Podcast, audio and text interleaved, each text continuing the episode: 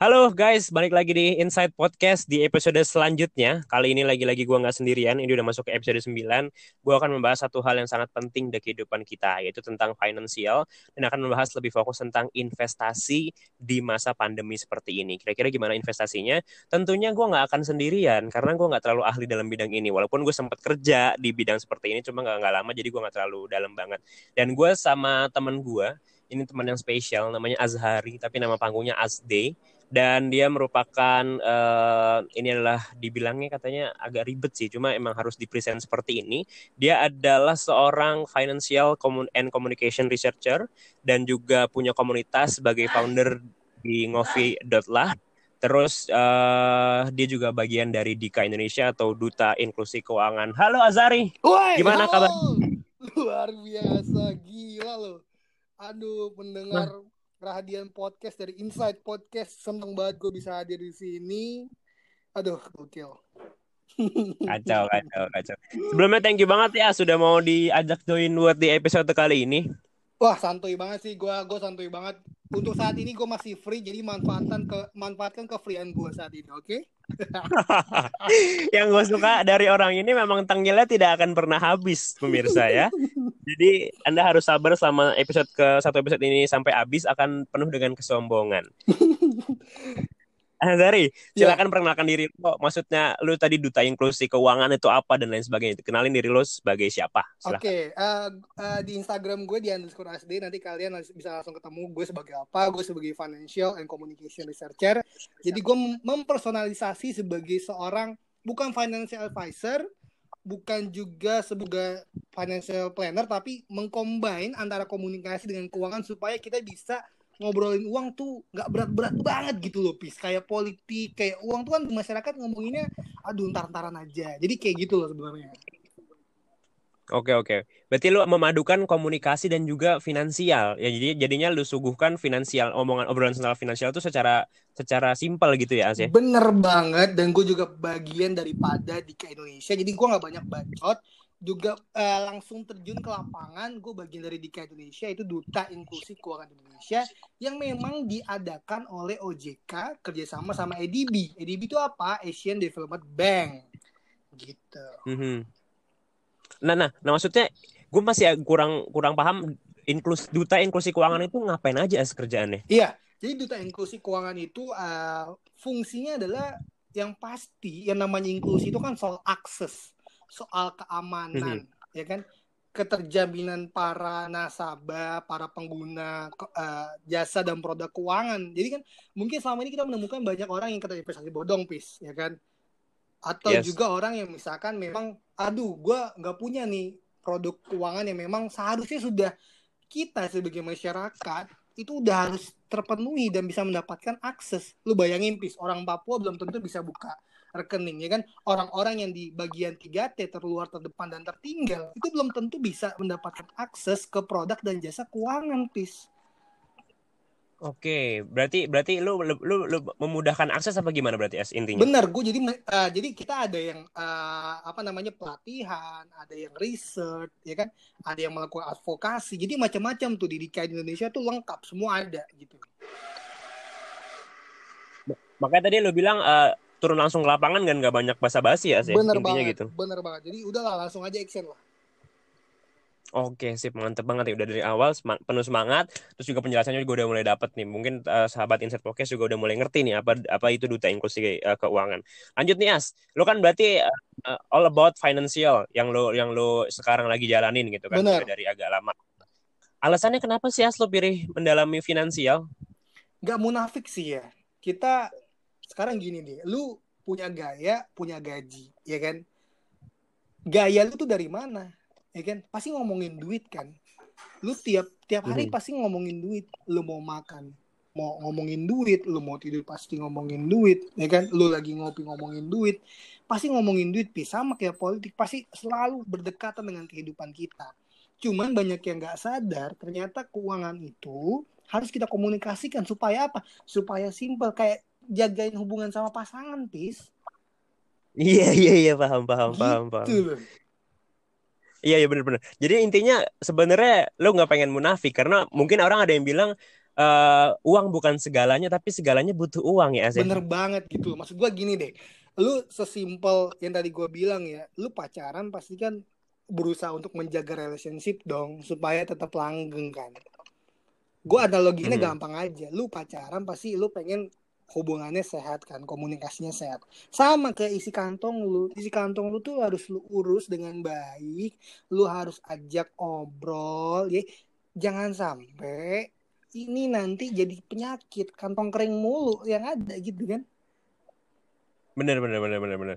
Berarti berarti uh, jaga finansialnya kayak jaga hubungan ya, saya. Ah, Lu masih butuh perencanaan ya kan butuh perawatan dikomunikasikan dengan baik dan lain sebagainya. Dijaga baik-baik supaya memang nggak nggak nggak nggak hilang gitu aja. Intinya gitu ya bener nggak berantakan nggak putus gitu ya. Langgeng gitu sampai akhir hayat gitu loh. Bener bener bener. Karena emang finansial penting banget sih menurut gue ya karena mungkin banyak orang juga as punya punya keinginan jadi kaya. Nah kalau kaya nggak bisa kan tanpa finansial. Bener banget. Dan gue teringat salah satu uh, quotes ya dari Abi Quraisy Hab dia pernah mhm. bilang mm -hmm. bahwa sebuah peradaban uh, peradaban sebuah bangsa itu hanya bisa dibangun dengan ekonomi, dengan kekayaan, dengan uang. Dalam artian memang di sebuah peradaban gitu emang perlu ditopang dengan ada unsur ekonomi gitu loh. Iya iya iya benar benar benar. Memang memang gua kasih gua ya. kasih contoh kasus nih ya. Mm-hmm. Gue gue kasih contoh kasus. Misalkan di Singapura, nih di Singapura kita naruh tas isi laptop di taman gitu ya. Kehidupan di Singapura kalau kita naruh tas isi laptop atau isi isi barang berharga di tengah taman ini berdasarkan fakta. Gua dengar dari uh, seorang profesor gua sendiri dia bilang itu nggak akan hilang. Tapi dia naruh tas di dalam mobil di depan restoran di Jakarta itu hilang.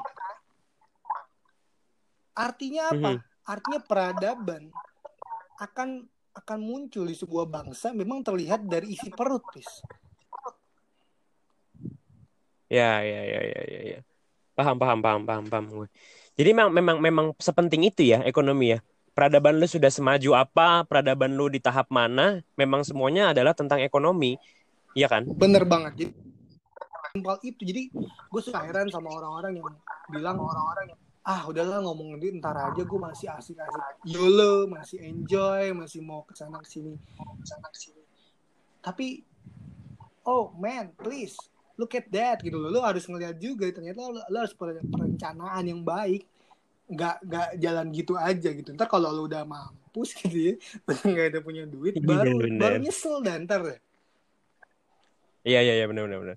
Uh, uh, gini es, gue kenapa mbah, mau bahas topik ini sebenarnya tadi nyang, apa nyambung juga sama omongan lo itu uh, bahwa kita sebenarnya udah udah harus mulai merencanakan keuangan segala macam karena gue ngelihat analitik dari podcast ini yang rata-rata dengar itu 18 sampai 25 tahun. Mm -hmm. Gue rasa ini adalah usia-usia yang memang seharus, sudah seharusnya lo bertindak untuk fokus ke keuangan lo, merencanakan ke keuangan lo segala macam karena emang ini masa-masa apa bilangnya krisis life ya? Yes. yang kayak lu harus harus mempersiapkan semuanya gitu. Dan memang salah satu yang harus dipersiapkan adalah tentang ekonomi lu uh, perencanaan keuangan lu. Jadi gua rasa akan menarik banget nih kalau untuk kita bakal ngebahas tentang uh, keuangan ini. Khususnya nanti mungkin kita bakal ngebahas lebih rincinya tentang investasi. Lo gua lihat-lihat nih as kan memang salah satu literasi finansial lu juga ngarahnya ke investasi. Lu sering banget nge ngasih tutorial gimana cara lu beli beli saham segala macam gitu. Sebenarnya apa sih as investasi itu dan seberapa penting investasi menurut lo? Iya, sebenarnya uh, untuk gini loh, lu punya duit ya, lu pada yang pendengar yang punya duit nih. Cuman kan masalahnya adalah tuh duit kalau nggak ditabung lu jajanin kan. Terus lu mikir lu mau kaya, ya lu kerjanya jajan mulu gimana lu mau kaya, mau financial freedom, apalah istilah itu semua, tapi nihil kalau lu emang masih mau jajan atau lu cuma nabung. Nggak nggak ada artinya cuy, please deh nggak ada artinya.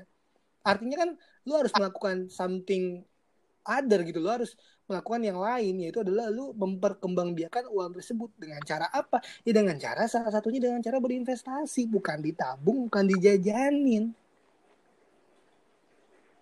Terus terus kenapa investasi es? Karena karena kan tadi gini lu punya uang tapi seringnya lu jajanin. Pilihannya bisa lu tabung atau lu investasikan. Nah kenapa lu memilih untuk investasi bukan menabung? Nabung. Ada namanya silent killer apa sih silent killer? Hmm. Yang bunuh diam-diam, pis. Yang namanya silent diam, yang namanya killer kan gak bunuh ya kan. ya bunuh Bener. gitu loh nah silent killer ini adalah inflasi inflasi itu artinya lu beli sekarang nih lu ke burjo eh kan lagi puasa ya lu ya udah lu ke burjo lu beli indomie plus telur harganya delapan ribu sekarang dulu gue SD Misakura. Ya walaupun nggak apple to apple tapi kan sama-sama Indomie eh sama-sama mie kan. Misakura dulu ya. Misakura dulu cuma 2000 artinya apa? Artinya rupiah nilainya terus turun. Tapi barang-barang semua bahan pokok terus naik. Gitu loh. Iya. Hahaha. ya dan lu kalau lu milih nabung lu kena silent killer satu. Lu kena pajak administrasi dua uang lu diem aja nggak bergerak. Tapi kalau ada investasi uang itu akan bergerak berkembang biak gitu. Bukan digandakan ya. Bukan digandakan. Iya iya iya. Kalau kalau penggandaan uang kan dulu siapa tuh ya? Be- beda ya, bukan penggandaan uang yang ilegal nggak jelas itu ya. Investasi berarti berarti kalau lu naruh uang lu di investasi itu akan bertumbuh ya, ya Zen? betul banget. Uangnya akan bergerak. Yang namanya investasi kan pasti mau dapat untung kan? Hmm. iya Dan dan akhirnya seberapa penting as investasi itu? sangat penting. Sangat penting banget. Ini soal mindset. Investasi itu sebenarnya soal mindset. Se- ada dua pintu ada dua pintu ya. Lu mau dari mana? Pertama pintu pertama lu mau menjadi pedagang atau lu mau jadi pembisnis? Apa yang gue maksud bedanya pedagang dan pembisnis? Oke lu pedagang. Pedagang artinya lu punya modal lu punya produk lu jualan ya kan? Lu manage sendiri atau bersama tim Nah, kalau pembisnis, lu punya modal, lu manage untuk bantu orang lain yang dagang, orang lain yang dagang gitu. Kita modalin aja, kita manage, kita ngelihat potensi ada apa gitu kan. Jadi beda tuh. Nah, biasanya kalau yang dari pedagang, karena manusia sifatnya nggak puas ya, pengennya cuan mulu gitu. Iya. Nah, biasanya dari pedagang nggak puas pengen jadi pembisnis. Dari dari pembisnis nggak puas pengen jadi pedagang. Gitu. Oke, mak mak- makanya akhirnya akhirnya sepenting itu ya saya untuk in- investasi ya. Bener. Dan ada satu Oke. riset namanya riset soal psychological well-being. Ini riset ini keluar tahun 2019 dan dilakukan pengambilan datanya pada tahun 2015 sampai 2017.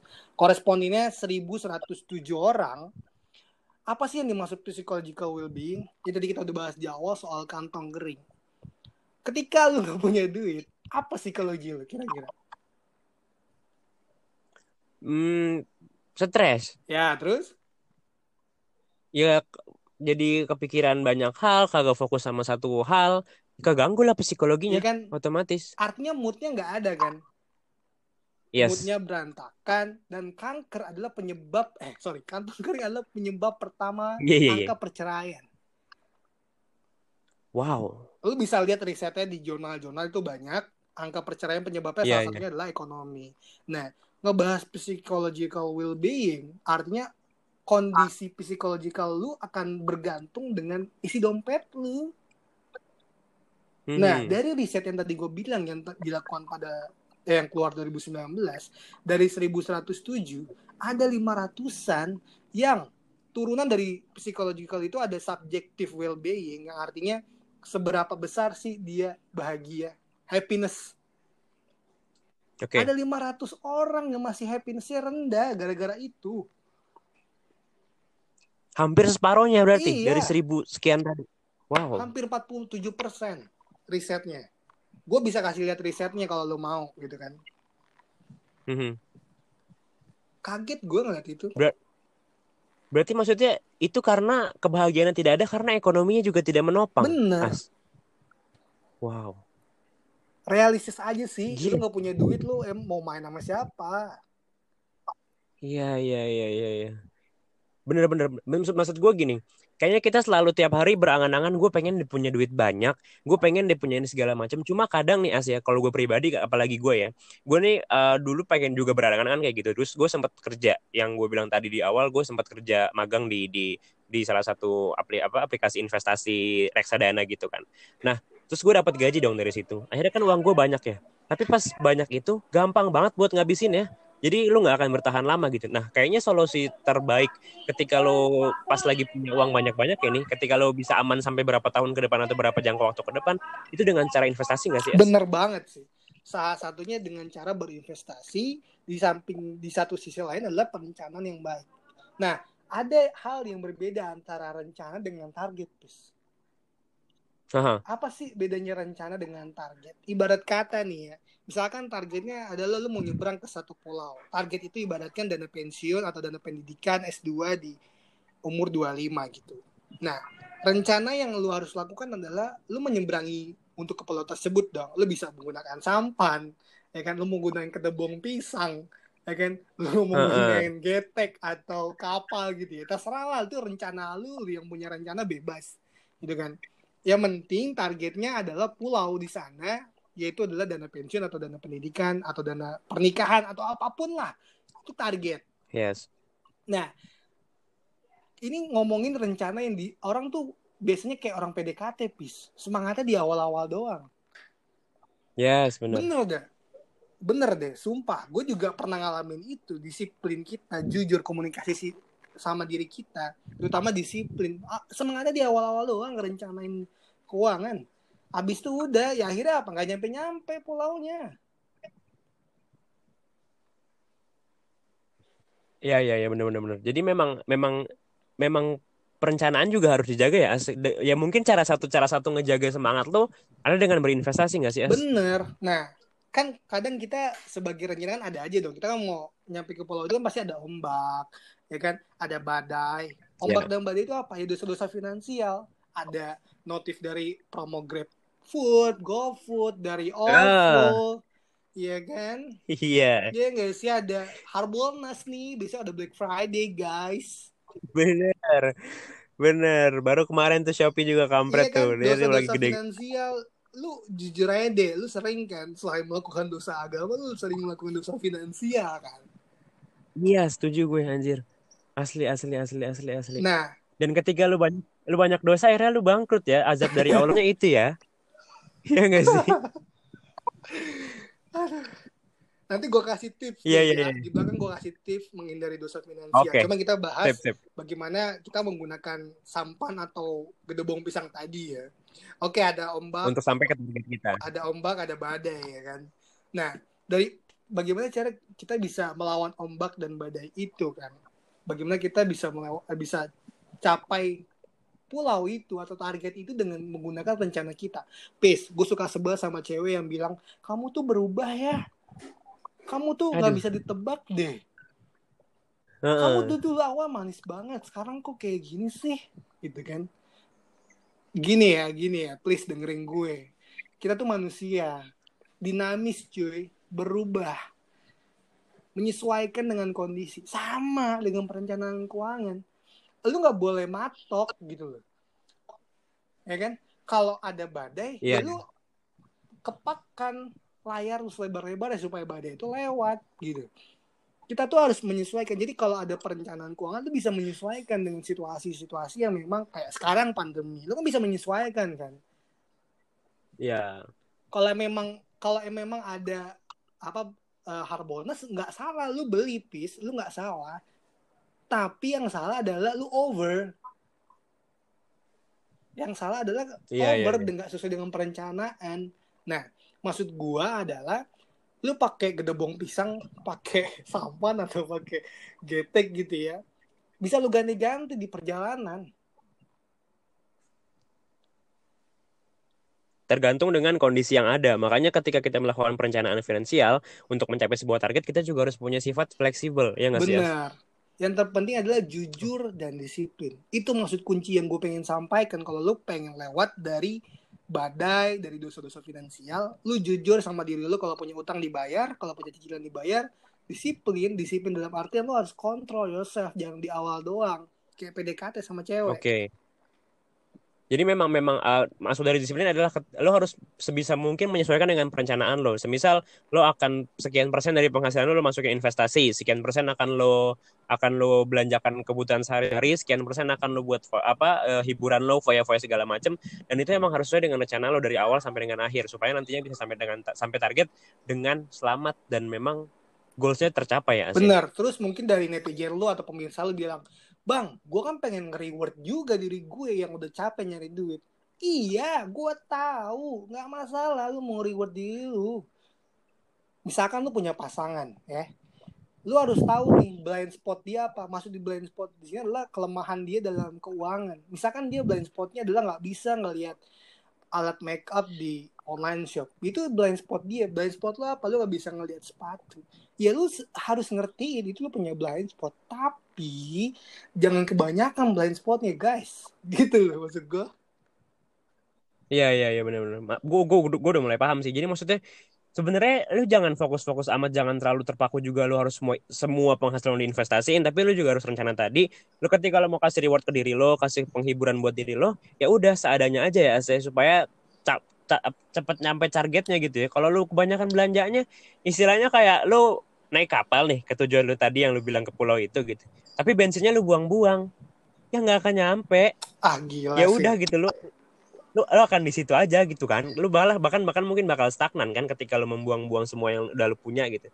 Jadi sebenarnya bisa aja ya saya untuk lu reward, apa rewarding diri lu tapi tetap harus uh, pada intinya. Nah lanjut nih as ke pembahasan selanjutnya jadi kan masalah investasi mungkin banyak orang yang udah mulai tertarik di saat ini di, di tahap tertarik dengan investasi di tahap baru mikirin apa itu investasi atau masih malas sama investasi sebenarnya kalau untuk orang-orang yang udah sampai di tahap mau investasi nih as apa sih modal modal utama seorang investor Oke, gue kasih tiga bekal untuk calon investor.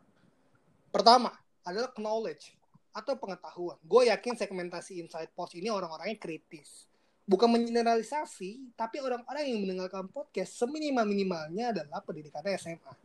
Ya kan? Nah, sekarang sudah banyak Yes. ya kayak platform ada Ngovidot lah, ada Joska, Z Finance, semua. Ya jangan pakai IG lu buat stuck hanya Geraldine gitu loh. Iya iya benar-benar. pakai IG lu buat stalk Instagram yang memang ngasih lu faedah gitu. Pertama knowledge ya. Pahami dulu eh, secara dasar ah, lu tujuannya apa sih? Profil resiko lu apa? Terus lu mau ke mana? Pertama ke knowledge. Kedua namanya psikologi eh, eh, psikologi. Psikologi lu kayak gimana? Lu orangnya nekatan kah? Ya kan? Lu orangnya ne- eh, sabar, ya kan? Lu orangnya oke pelan-pelan, dan yang ketiga adalah timing. Sabar cuy, nggak kayak di film-film bisa cepet kaya, nikmati proses cuy. Aha. Gitu loh. Dan dan yang terakhir adalah catatan penting adalah balik yang ke pertama. Tetap hashtag kosongkan gelas, please. Mhm. Bukan karena puasa Bukan, nih ya. bukan. Iya. Maksudnya gimana tuh? Kosongkan gelas Iya maksudnya kosongkan gelas gini kadang banyak tipe-tipe investor ya. Gue di Instagram di highlight gue ada tipe-tipe inv- investor. Ada biasanya tipe-tipe investor yang tahun setahun pertama tuh sotoy. Merasa udah jadi investor lalu kayak anjir gue hebat banget. Gue mau ngajak orang lah. Kayak bagus. Cuman harus dicatat bahwa bener-bener fundamental atau dasar ilmunya sudah kuat gitu loh gue seneng kalau ada orang yang ngajak kayak gitu tapi jangan salah misinformasi dan dan lu jangan sotoy beli perusahaan yang lu nggak kenal gitu. Akhirnya lu apa? Lu rugi terus lu kayak udah nyerah kayak nyala nyalain produk investasi aja gitu loh. Jadi kayak sampah anjay sampah Iya, iya, iya, iya. Makanya tadi kenapa kenapa akhirnya pentingnya knowledge yang kuat ya di awal ya, supaya lu tahu gitu ya gimana caranya nanti akhirnya mendapatkan keuntungan, akhirnya nanti gimana sih kalau dimasak kayak gini nih, lu harus ngapain, apa yang harus di- apa yang harus lo, lo lakukan gitu kan. Supaya jangan sampai nanti pas rugi lu jadi males udah nggak mau investasi lagi kelar deh, udah nggak ada lagi investasi-investasi. Makanya tadi kenapa lu bilang pentingnya knowledge. Berarti ada tiga ya As ya, knowledge, terus psikologi, sama juga timing. Akhirnya lu har- apa harus menikmati proses dari dari dari dari hal yang lu harus yang sedang laku yang lu lakukan gitu ya. Terus nih As, paling paling sebenarnya tips paling mudah buat investasi itu gimana sih As? Mungkin ada banyak yang Iya gue tahu ke knowledge gitu, tapi susah banget buat mempelajarinya gitu. Gimana sih cara mudahnya untuk berinvestasi tuh? As? caranya gampang sebenarnya semua kan sekarang udah online online kan. sekarang udah online online. sebenarnya lu tinggal action lo aja ini buat teman-teman yang dengerin gue ngomong kayak gini karena temen gue apis santuy ya nih kalau di seminar seminar gue nggak kayak gini ya awas saya gue dihujat deh kita Beda ya personalitinya iya, beda ya. menye- menyesuaikan segmentasi pendengar kan Bener. jadi santuy aja lah Bener, bener. baperan lah nah sebenarnya Yes. sekarang udah sistem online semua berbasis aplikasi nanti gue menyarankan untuk yang mau gini loh pasti kan bertanya-tanya kan produknya apa yang baik yang bagus ada di highlight gue di Instagram gue kasih juga kamus kantong investor. Yang nomor pertama adalah high risk high return.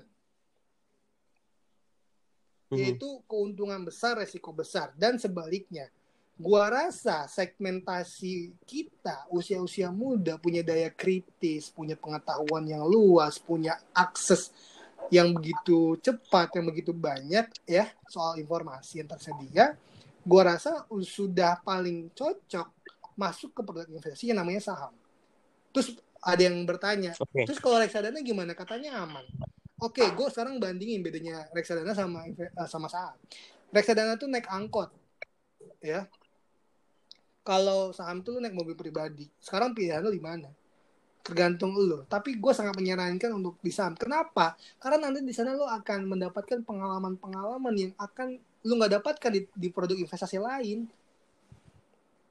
Lu Mhm. akan Contohnya lu apa? akan tahu bagaimana oh gue tahu nih industri ini di internasional tuh kayak gini misalkan industri consumer consumer tuh kayak Unilever, Indofood, terus Kino ya yang lu makan lah Ya. yang lu pakai lu Hmm. kalau bikin semur pakai kecap bango kalau sikat gigi pakai pasta aja pakai Pepsodent di internasional bahan bakunya gimana tersedia apa enggak persaingannya seperti apa gitu. Nah selain itu nanti lu bakal lihat oh ternyata bisnis yang sehat kayak gini ya.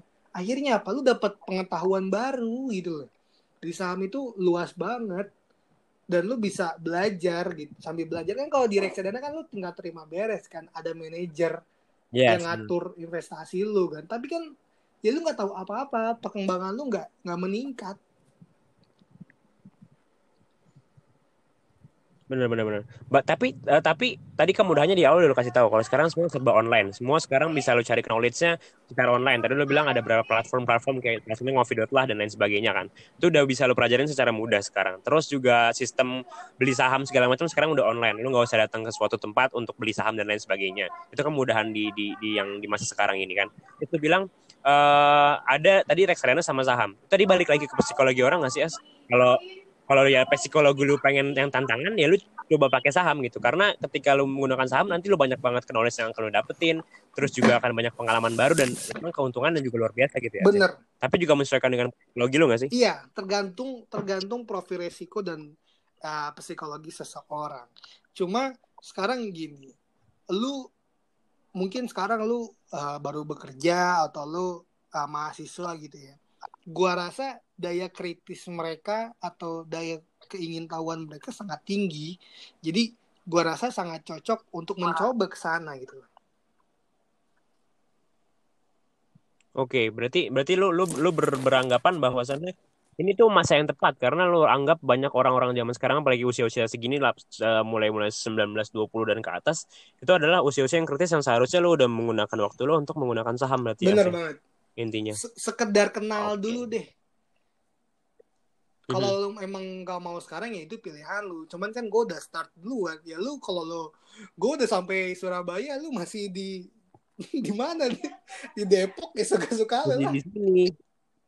Iya iya benar benar benar benar benar.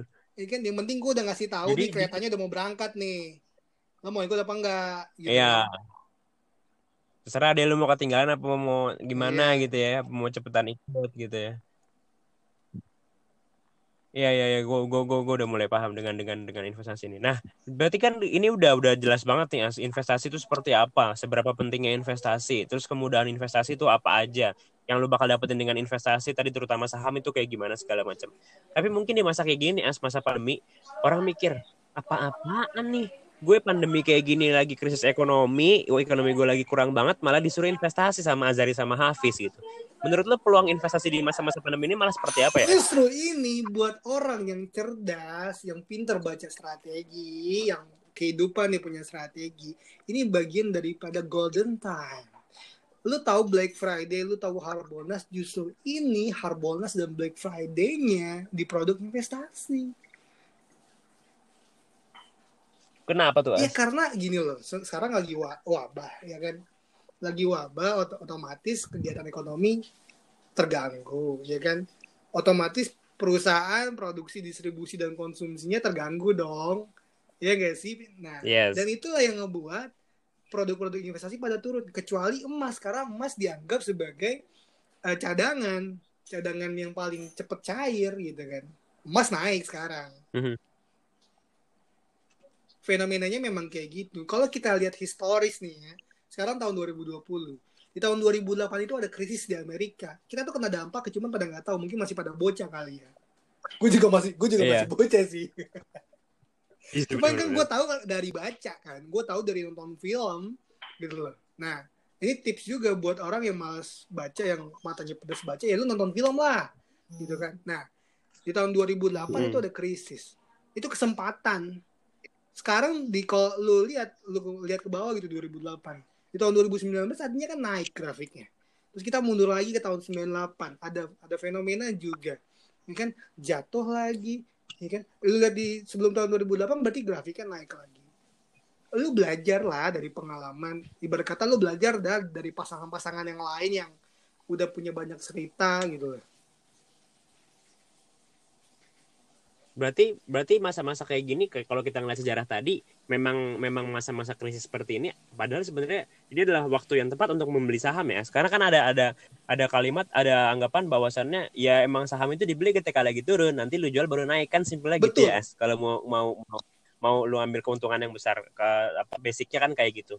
Berarti ini waktunya yang tepat banget ya buat kita beli saham. Benar benar benar banget. Nah kalau kalian masih belum tahu kayak gimana cara jual beli saham coba deh sekarang lu uh, ke Play Store atau App Store terus cari RTI bisnis dia independen nggak nggak mm-hmm. dari mana-mana gitu ya. Terus lu login lu register terus klik bagian trade lu login. Nah nanti di situ dikasih dana virtual 100 juta. Virtual ya bukan asli nih. Ntar gue disangka buat latihan bener, ya buat latihan buat ya? latihan di sana cara jual beli saham. Dan itu juga kita bisa otak atik nanti lu belajar dari situ dulu otak atik ya menu-menunya. Ini apa sih apa sih nanti kita bisa diskusi di tempat lain gitu. Oke. Berarti bisa download salah satu eh, apa tips dari lo tadi ya? Download download apa aplikasi apa? RTI Bus Iya, langsung ketemu pasti semua ada. Oke Ya, ya, ya. Berarti jadi maksudnya ini adalah waktu yang tepat karena harga saham sedang turun-turunnya di beberapa perusahaan ya kan. Ini adalah waktu yang tepat untuk lo beli karena nanti pasti setelah pandemi ini semua ekonomi akan meningkat lagi dan lama kelamaan itu adalah waktu yang tepat untuk lo mendapatkan keuntungan. Intinya gitu ya. Bener. Nah, kalau ngomongin perkembangan, bis ada satu konsep namanya business cycle. Itu ibarat gua ada dua gunung gitu ya. Oke. Okay. Gambarnya hmm. dua gunung, berarti kan ada gunung ada lembah kan Nah terus ada yes. ada garis persawahan lah lu gambar nih lu bayangin lu sering gambar gunung kan dari kecil kan. Bahkan datarannya lah ya. Sekarang gambarnya gunung sama rumah kan. Bener. Gitu gua banget. nah ada gunung ada lembah. Dua gunung satu lembah. Nah sekarang itu kita dari, dari gunung satu menuju lembah nih. Namanya resesi. Hmm. Lewatin garis persawahan tadi tuh masuk ke lembah. Namanya resesi. Nah udah sampai sawah lewatin sawah berarti kan ada kobokan tuh. Ada lembah kan. Ya. Nah kalau nggak naik kalau nggak naik naik namanya depresi. Ternyata nggak cuma orang yang depresi. Ekonomi juga bisa depresi. Oke. Okay. nah kalau dia nggak bergerak artinya nggak ada perkembangan. Lu uh, kemarin pemerintah mulai kebocoran informasi gue baca di berita katanya bulan Juni akan ada skenario perkembangan ekonomi. Artinya ada beberapa sek, uh, yang akan dibuka dari PSBB gitu kan. Nah kalau dia akan naik naik ke gunung lagi gitu ya lewatin lembah bisa lewatin sawah lagi namanya ekspansi. Apa artinya? Okay. artinya adalah lu harus ngelihat kita posisinya ada di mana. Ini nggak cuma buat investor buat para pembisnis harus melihat oh kita tuh lagi di sini makanya harus kita lakukan apa. Nah inilah bisnis cycle ini akan mengetahui kita harus membaca lapangan kayak gimana strategi apa yang kita harus lakukan. Nah itu dari bisnis cycle Lu bisa googling deh nanti netizen ya. Yes, yes.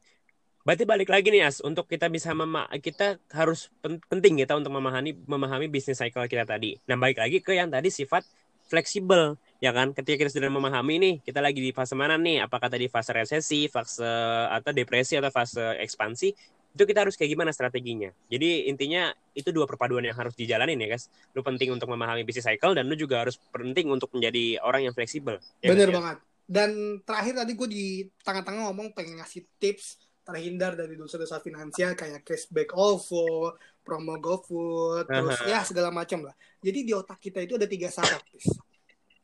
Boleh As, lu, lu sekalian closing statement As di di episode kali ini kali untuk Oke. tips-tips ini. Ada tiga saraf di otak kita yang salah satunya adalah yang akan menerima stimulus kalau ada audio atau visual dari luar yang memang memberikan cashback, memberikan promo, Harbolnas dan Black Friday.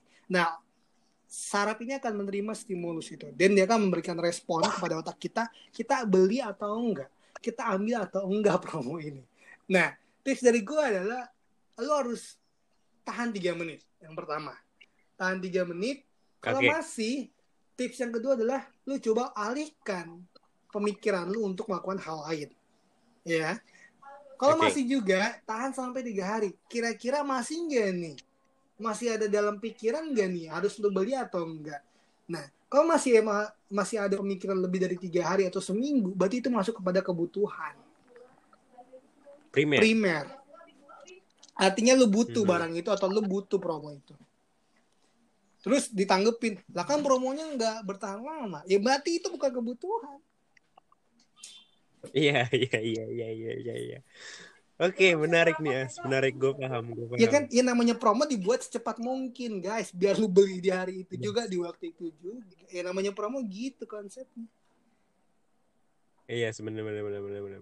Berarti memang memang lo harus memahami ya As ya. Ketika tadi lu bilang itu memang stimulus di otak kita kan akan uh langsung gece Mhm. gitu kan. Ketika ada cashback OVO dan lain sebagainya, Go GoFood lah segala macam atau apa pun itu voucher-voucher di luar sana atau Harbolnasnya Shopee dan lain sebagainya, itu akan menangkap kayak ih gue pengen beli ini. Padahal cuma emosi sesaat. Cuma kayak ini karena promo gitu kan. Akhirnya barang-barang yang dibeli itu bisa aja nggak penting kan.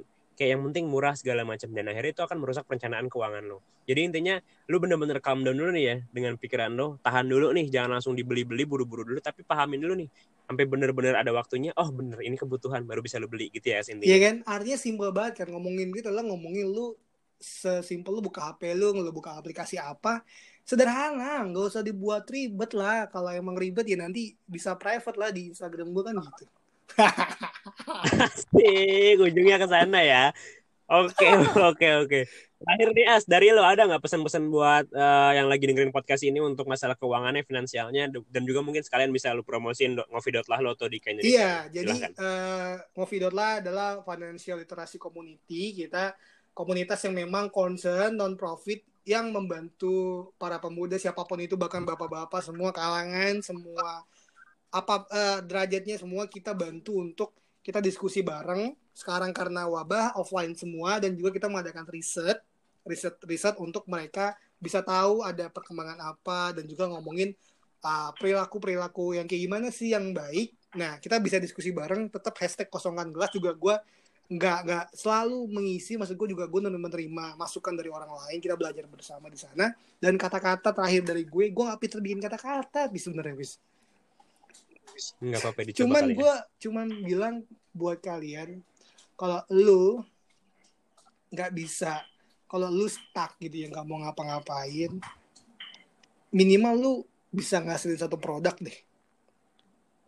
Produk itu bisa lu invest otak ke atas atau perut ke bawah. Artinya lu mau invest ilmu atau emang lu mau invest pengalaman. Terserah lu, itu pilihan lu, resiko ada di lu, keuntungan ada di lu. Sekian dari gue Asday Financial and Communication Researcher. Anjay. Luar biasa. Terima kasih tepuk tangan dulu guys yang mendengarkan tolong sambil tepuk tangan. Terima kasih banyak. Azari, thank you banget insight-nya luar biasa. Gue yakin ini episode kali ini insight-nya banyak banget buat teman-teman yang mendengarkan. Semoga bermanfaat buat teman-teman yang mendengarkan sahabat Insight Podcast. Azari, makasih banyak. Semoga sukses Thank terus, you Az. banyak Apis. Gue tunggu konten-konten selanjutnya dari lu. Tetap konsisten. Buat netizen, terima kasih sudah mendengarkan sampai 40 menit lebih ini. Gue harap kalian nggak baper. Gue harap dengan omongan-omongan kasar gue kalian tersadarkan. Karena orang nggak bisa disadarin kalau pakai cara-cara yang lembut. Terima kasih. Bener. Yo, Az, thank you banget ya. Sukses terus pokoknya. Terima kasih banyak. Semoga bermanfaat. Kalau gitu, sahabat Insight Podcast, gua sama Azari pamit undur suara. Terima kasih sudah mendengarkan. Semoga bermanfaat konten kali ini. Semoga mendapatkan insight yang banyak. Terima kasih. Wassalamualaikum warahmatullahi wabarakatuh. Bye-bye. Sampai jumpa.